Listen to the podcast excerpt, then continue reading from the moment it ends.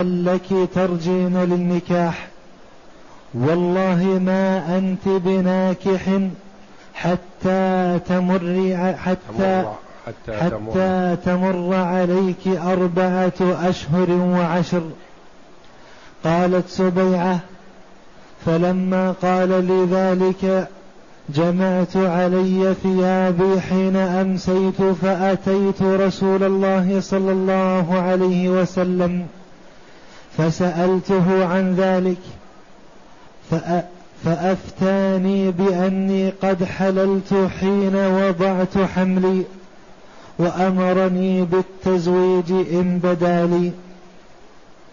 وقال ابن شهاب ولا أرى بأسا أن تتزوج حين وضعت وإن كانت في دمها غير غير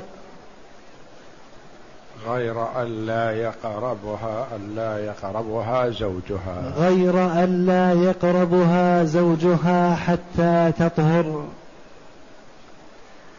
هذا الحديث في العدد. والعدد هي العدة وهي الأيام التي تتربصها. من فارقها زوجها حيا بطلاق أو خلع أو ميتا.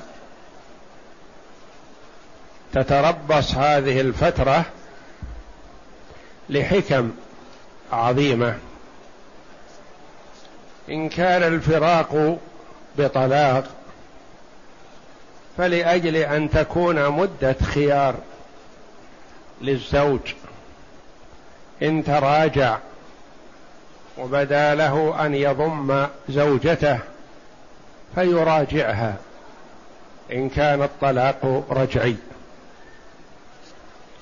وإن لم يكن رجعي أو كان لوفاة فلأجل العلم والتأكد من براءة الرحم.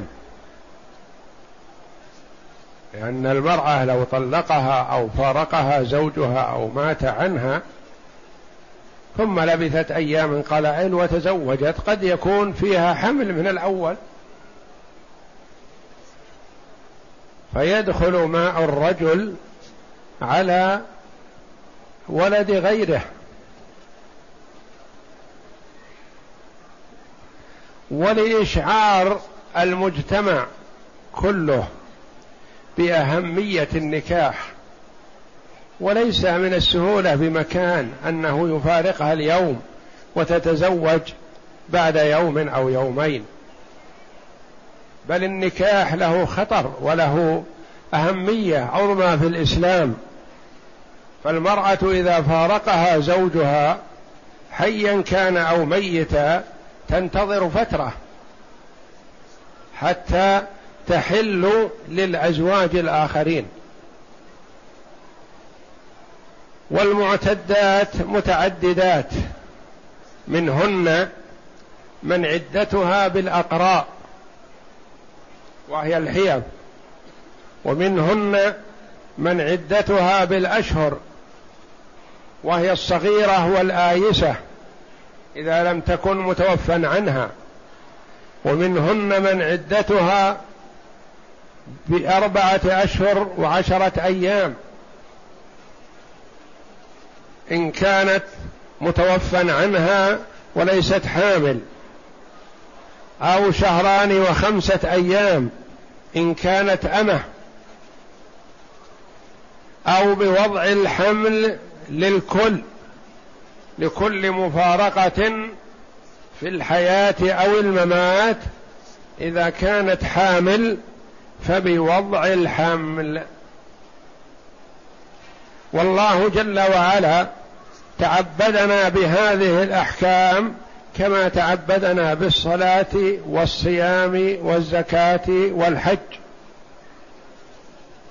فالواجب على المسلم أن يهتم في موضوع العدة ولا يتساهل فيها لأن العد الطلاق له وقت محدد تبدأ العدة منه. ولا يجوز له أن يتعمد تطويل العدة على امرأته بل يحرم عليه هذا لأن هذا من المضارة.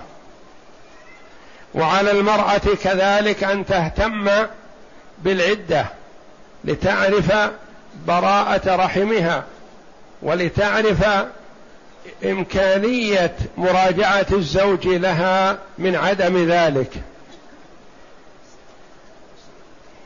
والعدة تتفاوت في الزمن طولا وقصرا فقد تكون ربع ساعة أو أقل من هذا. وقد تكون أكثر من سنة. فتكون ربع ساعة إذا طلقها مثلا في حال الحياة أو مات عنها ثم وضعت بعد هذا بخمس دقائق حملا في بطنها خرجت من العدة.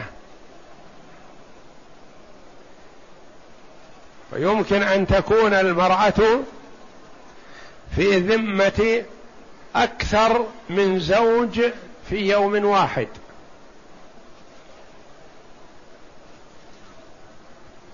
قد يتوفى زوجها في الصباح. ثم تضع الحمل بعد وفاته بربع ساعة. ثم يخطبها خاطب. فيعقد عليها. ثم قد يطلقها قبل الدخول. فيتزوجها ثالث في نفس اليوم وقبل الظهر. فإن استمرت معه أو طلقها قبل الدخول أمكن أن تكون في ذمة زوج رابع وهكذا.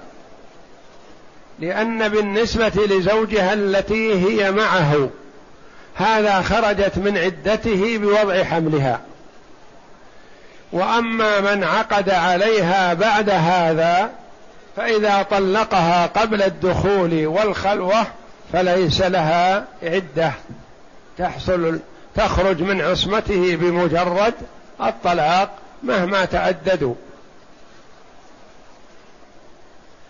وقد تكون سنة أو أكثر من هذا إذا شعرت بالحمل ولم ينزل. فهي تبقى معتدة حتى ينزل حملها. وأكثر مدة الحمل أربع سنين. قد تحمل ويستمر الحمل في بطنها أربع سنين. وفي الطلاق قد يطلقها زوجها وهي مرضع والمرضع لا تحيض. فتستمر ترضع. أشهر فإذا فطمت ولدها أتتها العادة فاعتدت بثلاث حيض. وأما التي تعتد بالأشهر فهي الآيسة يعني التي تجاوز سن المحيض والصغيرة التي لم تحض بعد. هذه عدتها بالأشهر في حال الطلاق في حال الحياة ثلاثة أشهر وفي حال الوفاة أربعة أشهر وعشرة أيام.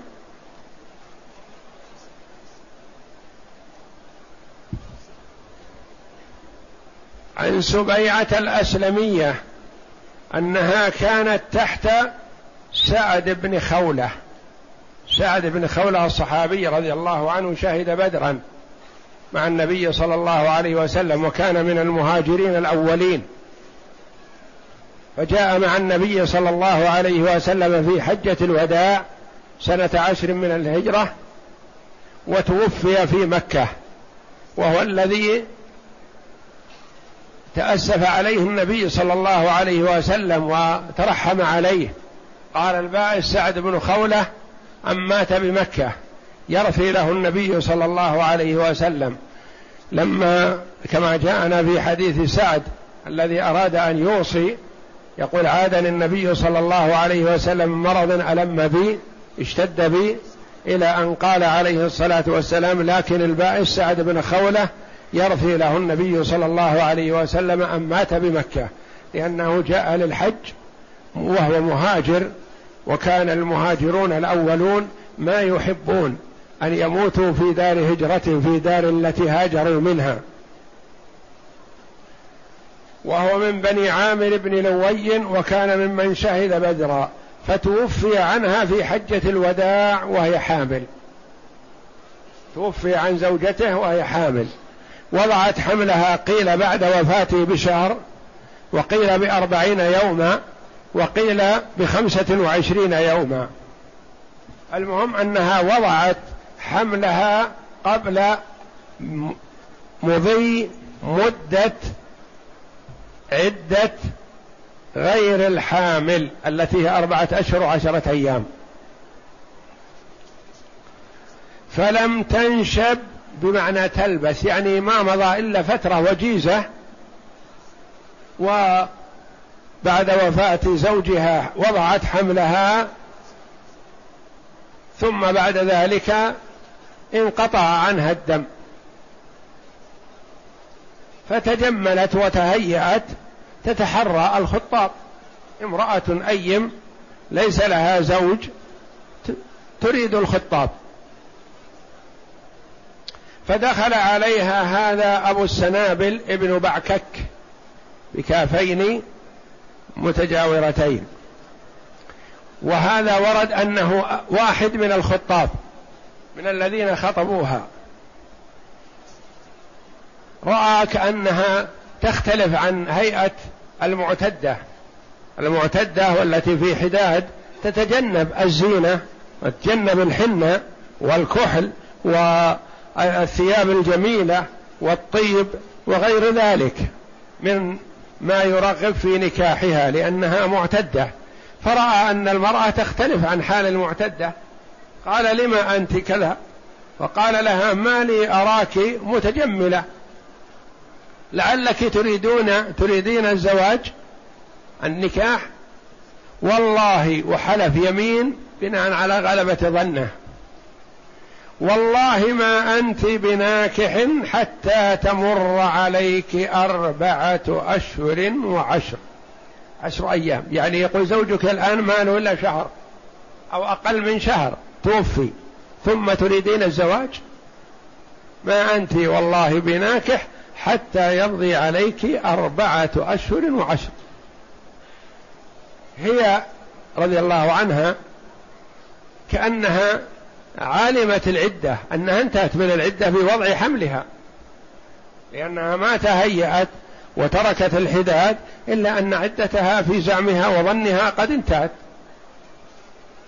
فأحدث هذا عندها تردد وتخوف أن لا تكون أن تكون مخطئة في هذا وأن تكون عدتها ما انتهت ماذا تفعل؟ تقول لما كان في المساء وكان النساء يحرصن على أن لا يخرجن نهارا لئلا يراهن الرجال فكانت نساء الصحابة رضي الله عنهن يخرجن عند الحاجة الضرورية ليلا طلبا للستر. فلما كان العشي والمساء تقول جمعت علي ثيابي وذهبت إلى النبي صلى الله عليه وسلم. مرجع المسلمين عليه الصلاة والسلام في أمور الدنيا والدين.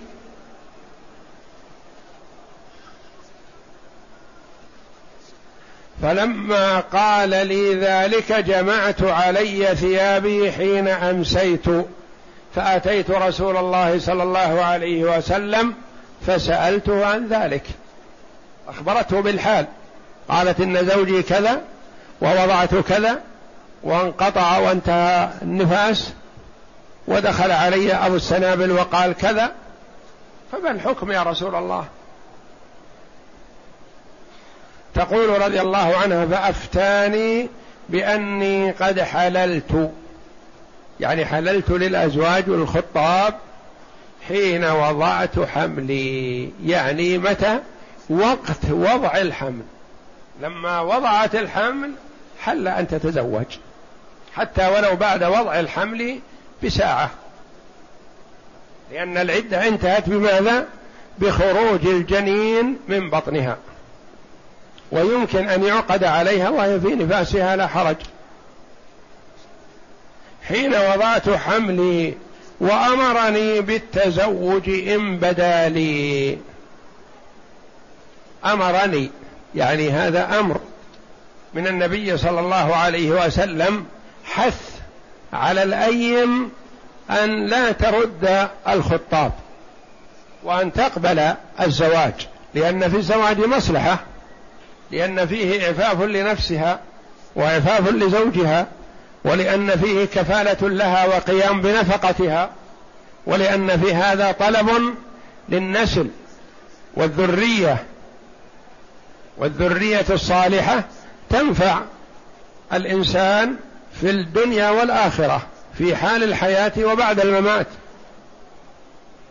ففي النكاح مصالح وينبغي للأيم ألا ترد الخطاب إذا أتاها الكفر. ولا تعرض نفسها للبقاء بدون زوج لأنها قد ترد ثم ترد ثم ترد وفي النهاية تبقى. يرغب عنها الرجال فلا يتقدم لها أحد. فتكون هي التي جنت على نفسها برد الكفر. ولهذا قالت سبيعة رضي الله عنها وأمرني بالتزوج. أمرني بالتزوج إن بدا لي. وقال ابن شهاب ولا أرى بأسا أن تتزوج حين وضعت. يعني ولو في يوم وضعها لأنها خرجت من العدة وحل للرجال أن يخطبوها وحل لها أن تقبل الزوج المناسب لها. وإن كانت في دمها يعني في نفاسها غير أن لا يقربها زوجها حتى تطهر. نعم ما يجوز أن يقربها كما أنه لا يقربها وهي حائض فكذلك لا يقربها وهي نفساء فأخذ من هذا الحديث أحكام. أولا أن عدة المتوفى منها إذا كانت حامل بوضع الحمل. أيا كان وضعت الحمل بشرط أن يتيقن أنه حمل. يعني لو سقط ما في بطنها أو حصل لها نزيف مثلا فسقط شيء من بطنها من رحمها. فإن كان قد تبين فيه خلق إنسان فقد خرجت من العدة. متى يتبين في الساقط خلق إنسان غالبا؟ بعد واحد وأربعين واحد وثمانين يوما. لأنه في الأربعين الأول نطفة ثم الأربعين الثانية علقة ثم يكون مضغة في الأربعين الثالثة التي أولها واحد وثمانين. وغالبا ما يتبين فيه خلق إنسان وإن كان شيء يسير. لكن هل لهذا الساقط حكم الأموات يغسل ويصلى عليه؟ لا. ما دام في الأربعين في الثمانين يوم وخمسة وثمانين ومائة يوم ومية وعشرة إلى هذا الحد إلى مائة وعشرين مثلا ما ليس له حكم الأموات. لا سقط يروح مع الدم. فلا يغسل ولا يصلى عليه. متى يغسل ويصلى عليه؟ إذا نفخ فيه الروح. إذا سقط بعد مئة وعشرين يوما. بعد مئة وعشرين يوما ينفخ فيه الروح فيكون له حكم الأموات. إذا سقط قبل الثمانين يوما فهل لأمه أحكام النفاس؟ لا أنه ما تبين في خلق إنسان. نطفة ثم بعد هذا علقة. يعني قطعة دم. ما تبين فيه الغالب أنه ما تبين فيه إلا بعد أن يكون مضغة. فإن تبين فيه خلق إنسان ولو كان علقة فلها أحكام النفاس كذلك. لكن الغالب أنه لا يتبين.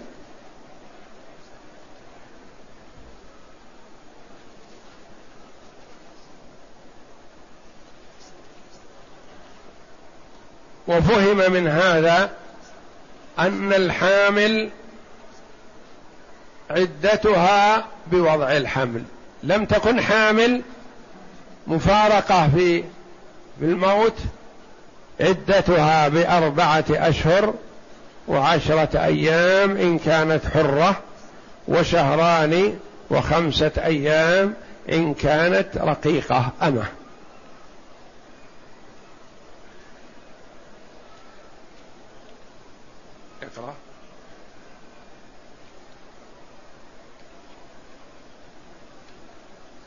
يرى بعض الصحابة رضي الله عنهم على أن المتوفى عنها إذا كانت حامل تعتد بأطول الأجلين. يروى هذا عن ابن عباس وبعض الصحابة. وجمهور العلماء من الصحابة ومن بعدهم على خلاف ذلك. يقول معنى أطول الأجلين كيف؟ يقول إذا وضعت بعد وفاة زوجها بثلاثة أشهر مثلا يقول لا تخرج من العدة حتى تكمل أربعة أشهر وعشرة أيام. توفي زوجها وهي حامل ومضى بعد وفاته أربعة أشهر وعشرة أيام وهي لم تضع الحمل تخرج من العدة؟ لا يقول حتى تضع الحمل.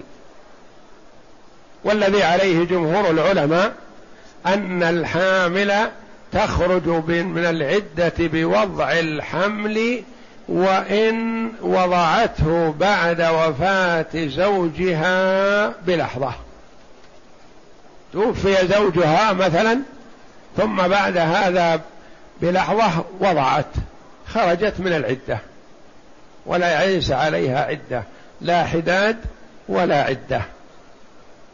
لأن الحداد زمن العدة فقط ولا يمتد خارج العدة. نعم. الغريب. الغريب سبيعة بضم السين وفتح الباء الموحدة فلم تنشب بفتح الشين أي تمكث طويلا.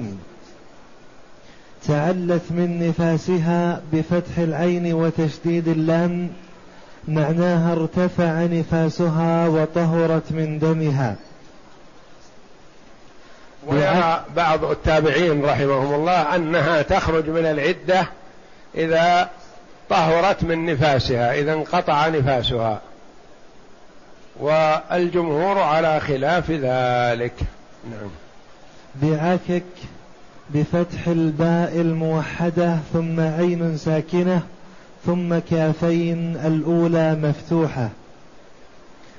المعنى الإجمالي توفي سعد بن خولة عن زوجته سبيعة الأسلمية وهي حامل فلم تمكث طويلا حتى وضعت حملها فلما طهرت من نفاسها وكانت عالمة أنها بوضع حملها قد خرجت من عدتها وحلت للأزواج تجملت فدخل عليها أبو السنابل وهي متجملة فعرف أنها متهيئة للخطاب فأقسم على غلبة ظنه أنه لا يحل لها النكاح. حتى يمر عليها أربعة أشهر وعشرا أربعة أشهر وعشرا أخذا من قول الله تعالى والذين يتوفون منكم ويذرون أزواجا يتربصن بأنفسهن أربعة أشهر وعشرا وهذه الآية مخصصة بهذا الحديث على أنها إذا وضعت حملها حلت للأزواج. نعم. وكانت غير متيقنة من صحة ما عندها من العلم والداخل أكد الحكم بالقسم. فأتت النبي صلى الله عليه وسلم فسألته عن ذلك فأتاها فأفتاها بحلها للأزواج حين وضعت الحمل.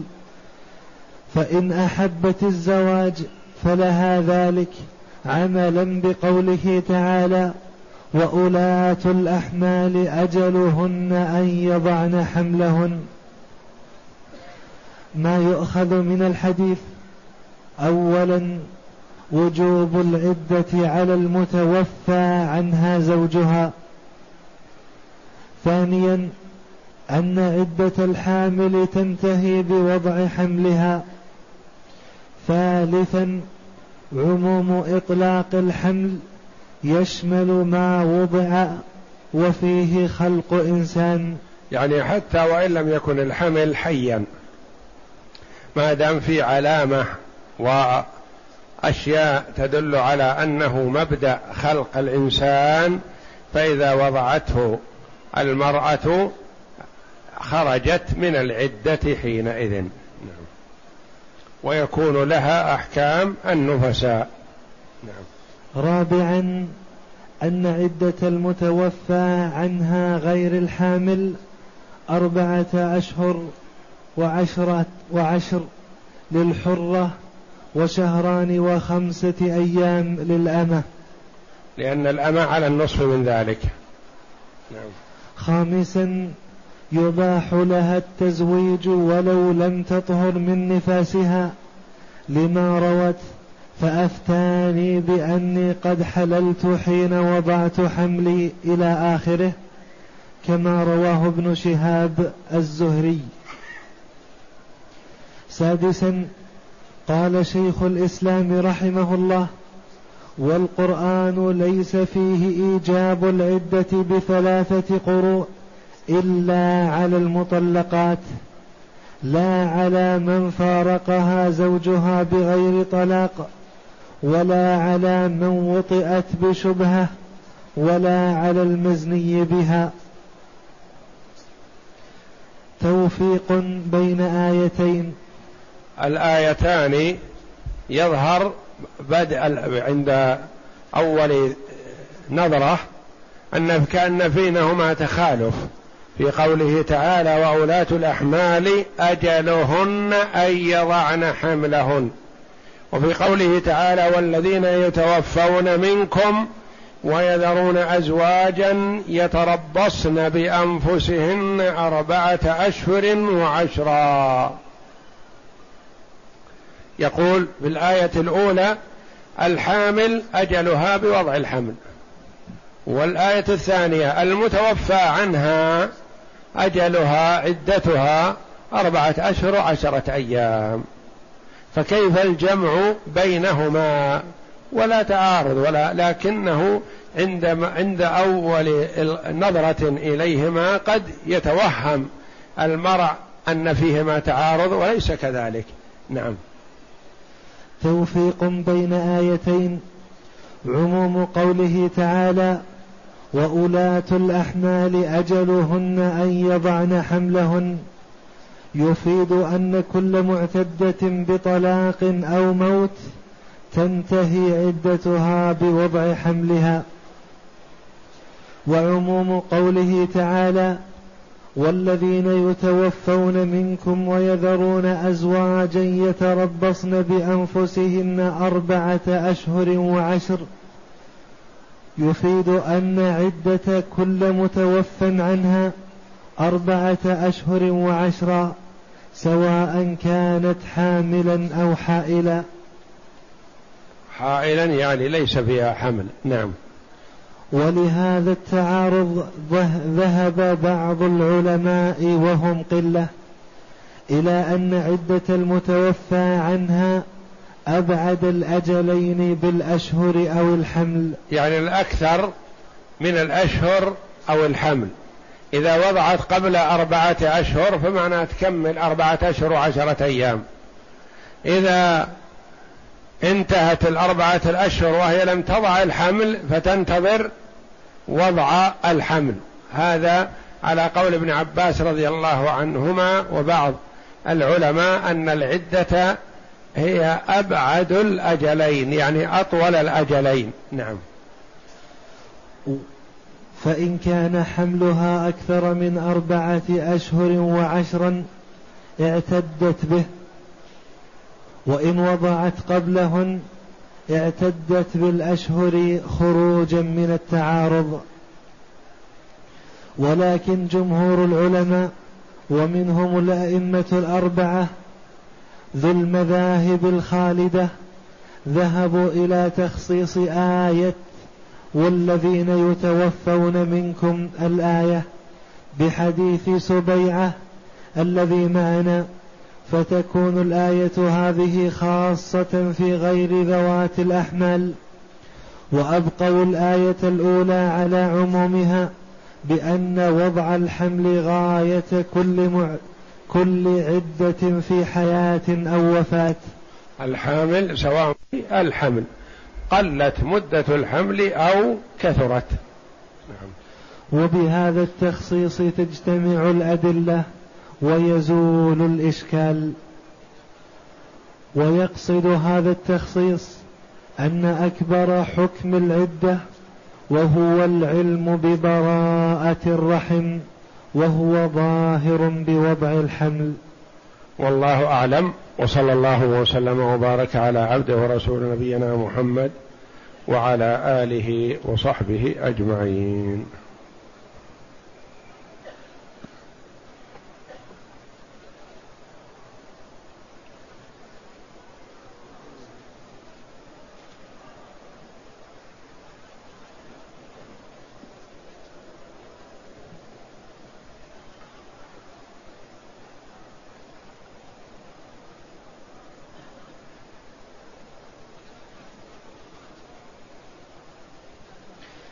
يقول السائل في صلاة الجنازة ماذا يفعل المصلي إذا تأخر عن الإمام وفاتته تكبيرة أو تكبيرتين؟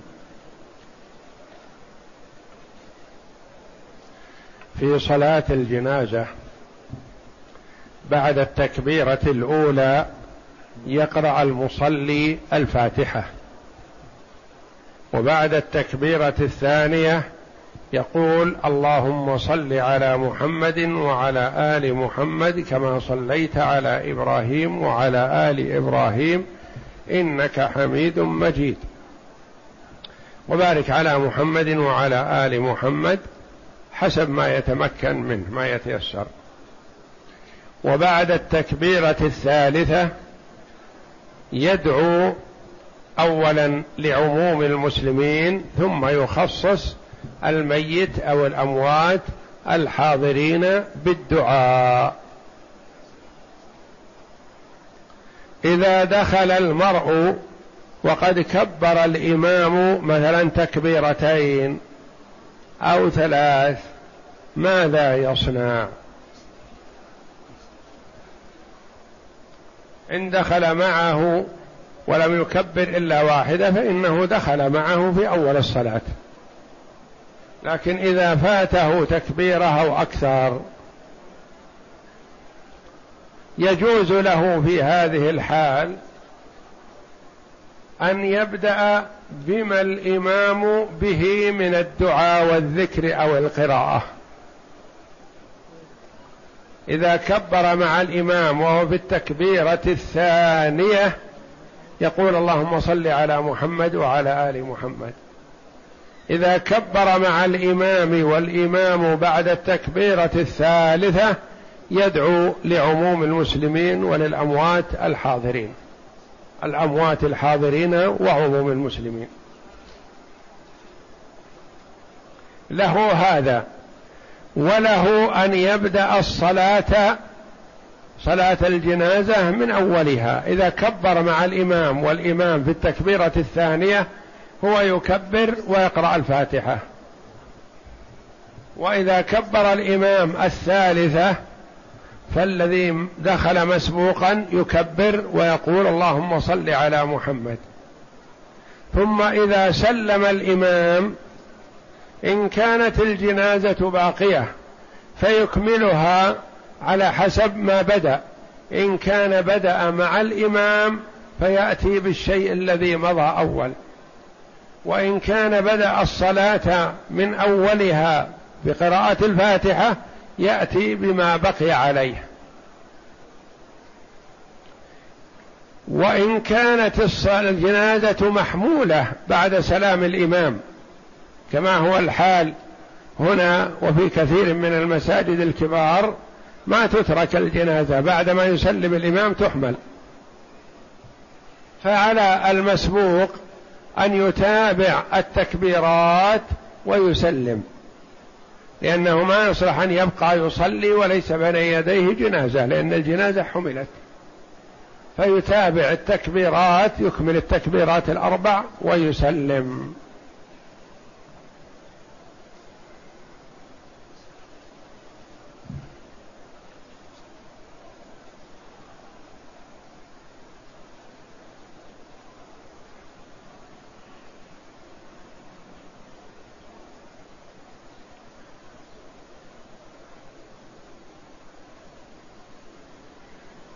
يقول السائل إذا كنت أقرأ القرآن ومستمر في القراءة وأذن المؤذن هل أتوقف عن القراءة وأردد مع المؤذن أم أستمر في قراءة القرآن؟ الأفضل له أن يتابع الإمام. ولو قرأ بين التكبيرات مثلا لكن إذا قال الإمام الله أكبر وهو يقرأ القرآن يقول إذا قال المؤذن يقول مثل المؤذن الله أكبر. ثم إن شاء أن يقرأ فلا بأس. فإذا قال المؤذن الله أكبر الثانية كذلك يقول مثله.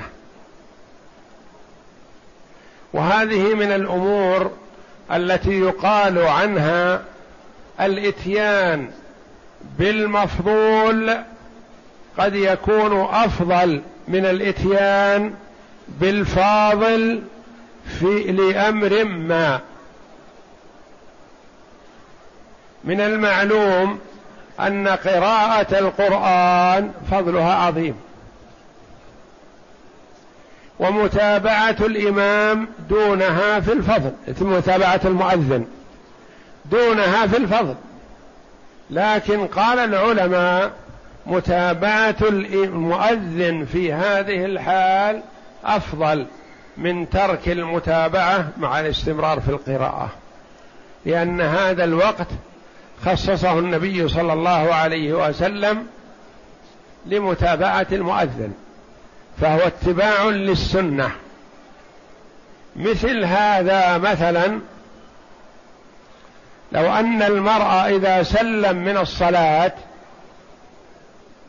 صلاة الجماعة مثلا إذا قال السلام عليكم ورحمة الله السلام عليكم ورحمة الله قال أعوذ بالله من الشيطان الرجيم بسم الله الرحمن الرحيم الحمد لله رب العالمين وقرأ الحمد أو قرأ البقرة أو قرأ شيئا من القرآن. والآخر بجواره قال أستغفر الله أستغفر الله أستغفر الله. اللهم أنت السلام ومنك السلام. تباركت يا ذا الجلال والإكرام. أيهما أفضل؟ لا شك أن الذي قال أستغفر الله أستغفر الله اللهم أنت السلام إلى آخره أفضل من ممن شرع في قراءة القرآن. طيب أليست قراءة القرآن أفضل أنواع الذكر؟ نقول بلى. لكن هذا الموطن الاتيان بما ورد في السنة أفضل. أن تقول استغفر الله ثلاث مرات بعد السلام ثم تقول اللهم أنت السلام ومنك السلام تباركت يا ذا الجلال والإكرام وتأتي بالذكر الوارد أفضل من أن تبدأ بقراءة القرآن. مع أن قراءة القرآن أفضل أنواع الذكر. وهكذا قد يكون الإتيان بالشيء المفضول في وقته المخصص له أفضل وأكثر أجرا من الإتيان بالشيء الفاضل في غير هذا الموطن.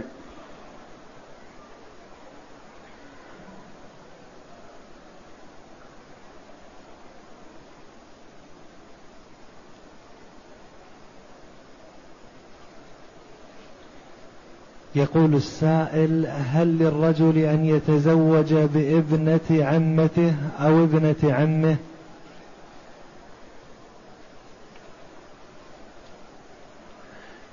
نعم للرجل أن يتزوج بابنة عمه أو ابنة عمته إذا لم يكن بينهما رضاع.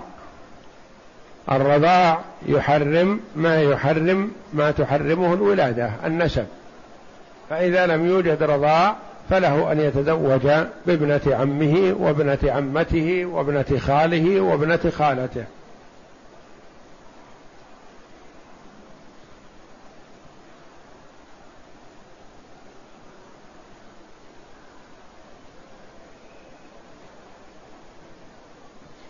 تقول السائلة امرأة أصابتها العادة الشهرية. فهل يحق لها الدخول للمسجد وذلك بمرافقة الأطفال في المسجد للجلوس معهم لما فيه من الضرر والخوف عليها في السكن لوحدها؟ لا لا يجوز لها أن تدخل المسجد وتجلس فيه. لا المسجد الحرام ولا غيره من المساجد وإنما لها المرور لها أن تدخل مارة لحاجة. تدخل تعطي رفقتها شيئا ما أو تأخذ منهم ما أرادت أو تخبرهم بخبر أو تتلقى منهم توجيهات وتعليمات ونحو ذلك. ولا تجلس فلا يجوز لها الجلوس. وإذا خافت على نفسها فتأتي وتجلس خلف جدار المسجد. ولا تدخل المسجد الحرام ولا غيره من المساجد وهي حائض للجلوس فيه للدخول لقضاء الحاجة لحاجة ما تدخل وتقضي حاجتها وترجع ولا تجلس. يقول السائل في صلاة الجنازة يكون هناك أموات وأطفال فكيف يكون الدعاء لهم؟ صلاة الجنازة بالنسبة للكبار والصغار والواحد والعدد والرجل والمرأة بعد التكبيرة الأولى سواء الفاتحة بعد التكبيرة الثانية سواء الصلاة على النبي بعد التكبيرة الثالثة الدعاء لعموم المسلمين سواء ثم إن كان واحدا تقول اللهم اغفر له وارحمه. وإن كانوا جمعا تقول اللهم اغفر لهم وارحمهم. وإن كان أنثى تقول اللهم اغفر لها وارحمها. وتأتي بما تستطيع من دعاء. وإن كان طفلا صغيرا فتقول اللهم اجعله ذخرا لوالديه وفرطا وشفيعا مجابا. اللهم ثقل به موازينهما وعظم به أجورهما واجعله في كفالة أبيه إبراهيم الخليل. تدعو للطفل بالنسبة لوالديه لأنه ليس عليه ذنوب تقول اللهم اغفر له وارحمه. تدعو لوالديه بالمغفرة والرحمة.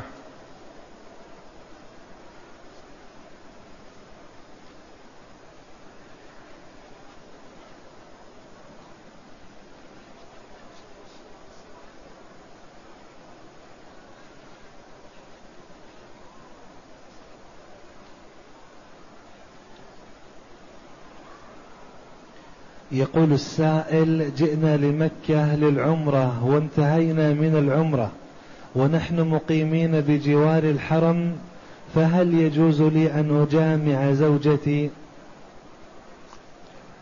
إذا أتم المعتمر عمرته أو حلل الحاج من حجه التحلل الثاني حل له أن يجامع زوجته.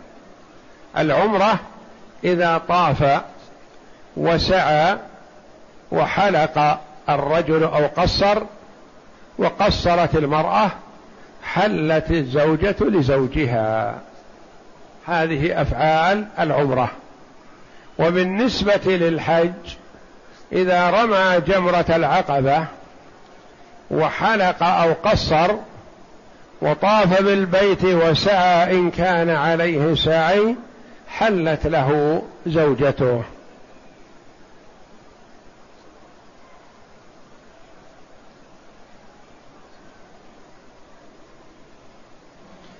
يقول السائل إذا عطس المرء وحمد الله هل الأفضل أن ترد عليه بيهديكم الله ويصلح بالكم أم تقول له غفر الله لنا ولكم؟ الأفضل أن تأتي بما جاء في السنة.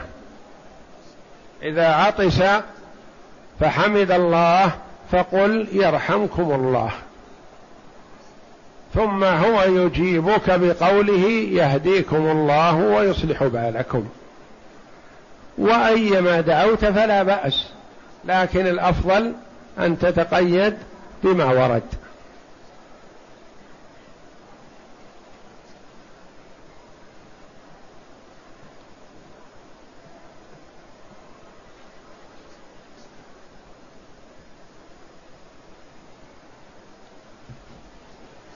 يقول أتينا من منطقة القصيم ومعنا امرأة حائض ومررنا على المدينة ولم تحرم من المدينة حيث أنها قالت أنا نويت الإحرام من الطائف وبعد أن طهرت خرجت من مكة إلى الطائف وأحرمت منها هل عليها شيء بتجاوزها ميقات المدينة بدون أن تحرم؟ اولا أخي قولها أنا نويت الإحرام من الطائف هذا ما هو صحيح. ولهم أنا ولا أنت اللي نحدد مواطن الإحرام. مواطن الإحرام حددها الرسول صلى الله عليه وسلم. بين المواقيت الخمسة المحيطه بمكه من جميع الجوانب. وقال عليه الصلاة والسلام هن لهن ولمن أتى عليهن من غير أهلهن ممن أراد الحج أو العمرة. الأمر واضح. هن يعني لهذه البلدان ميقات أهل المدينة ذي إلى آخره. هن لهن ولمن أتى عليهن من غير أهلهن ممن أراد الحج أو العمرة. جاء من القصيم عن طريق المدينة ميقات ميقات أهل المدينة. ما يقول أنا ميقاتي السيل؟ لا مو أنت اللي تحدد الميقات اللي حدده لك الرسول. قال إذا جئت من طريق المدينة فميقاتك المدينة.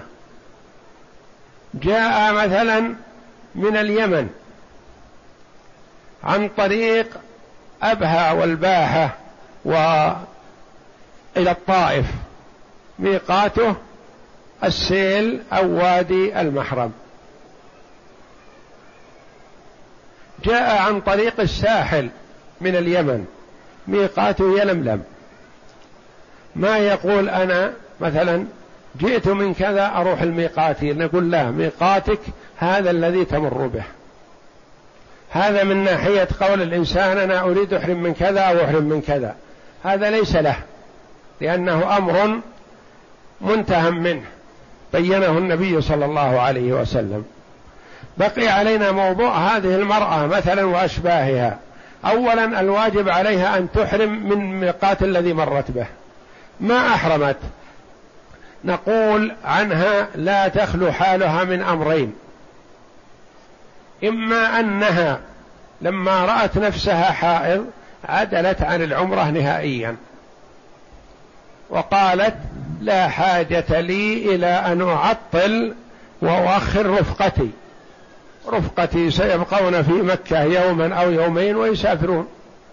وإذا أحرمت اضطررتهم إلى التأخر حتى أطهر ولا أدري متى أطهر. فعدلت عن العمرة. ودخلت مع ذويها مكة بدون إحرام وما قصدت العمرة. يسر الله لها وطهرت قبل أن يغادر رفقتها. نقول هذه تخرج إلى الحل وتحرم ولا شيء عليها. لأنها ما قصدت العمرة ولا نوت العمرة إلا يوم حلت في مكة. فتخرج للحل وتحرم. إذا علمت أن رفقتها سيبقون وقالت تعرف أنها عازمة على العمرة لكن تقول لا أنا أخر العمرة أحرم من التنعيم أو أحرم من السيل أو أحرم من يلملم وغير ذلك ودخلت بدون إحرام ولو ذهبت إلى السيل أو إلى يلملم أو غيرها نقول عليها هدي لأنها تجاوز ميقاتها بدون إحرام. فعليها في هذه الحال هدي. إلا أن تعود إلى الميقات الذي مرت به فيسقط الهدي.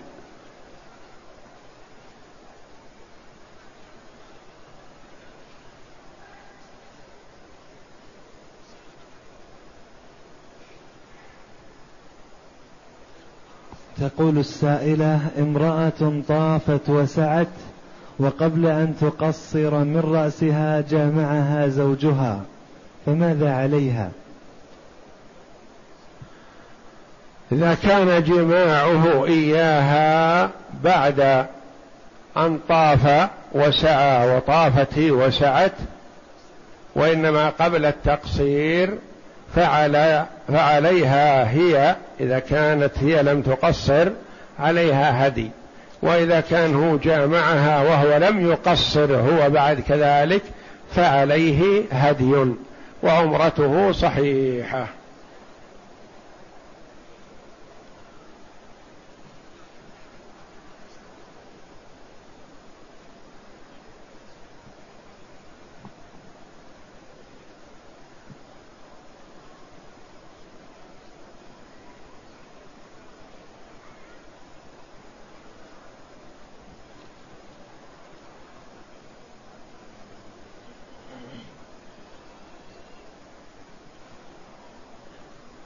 يقول إذا كان المسافر غني وانقطعت به النفقة في السفر هل يعطى من الزكاة؟ نعم يعطى من الزكاة وتحل له الزكاة ولا يقترض أو يستدين لأن الإسلام يتشوف إلى براءة الذمة خشية أن يقترض أو يستدين ثم لا يتمكن من الوفاء قد يخدمه الأجل قبل أن يسدد ما عليه فتبقى ذمته مشغولة. وإن اقترض على عزم أن يسدد فلا بأس عليه لكن إذا رغب ألا يشغل ذمته بالقرض فله أن يأخذ من الزكاة.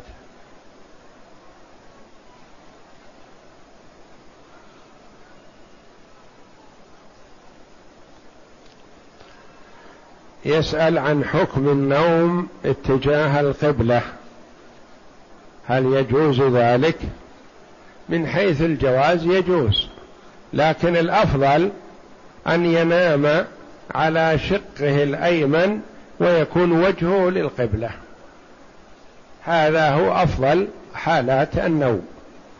فإن نام ورجلاه إلى القبلة فلا حرج.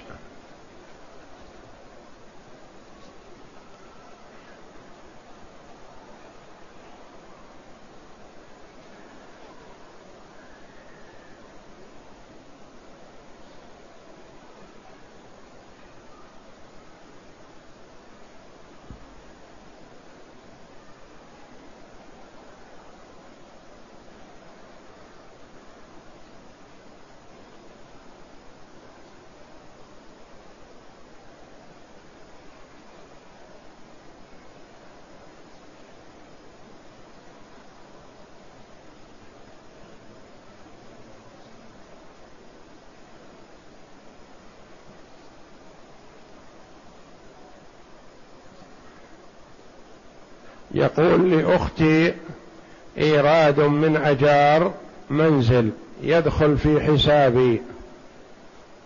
ويبقى في حسابي فترة طويلة. هل يجوز لي أن أستفيد من هذا المال بدون علمها؟ الأولى أن لا تستفيد منه لا تستقرضه لأنك إذا استقرضته بدون علمها قد تحتاجه هي أو أنت ترى أن من المناسب أن تشتري لها به شيء فإذا كان المال مقترض عندك تباطأت وتأخرت. فالأولى ألا تستعمله ولا تستفيد منه إلا بإذن منها وعلمها.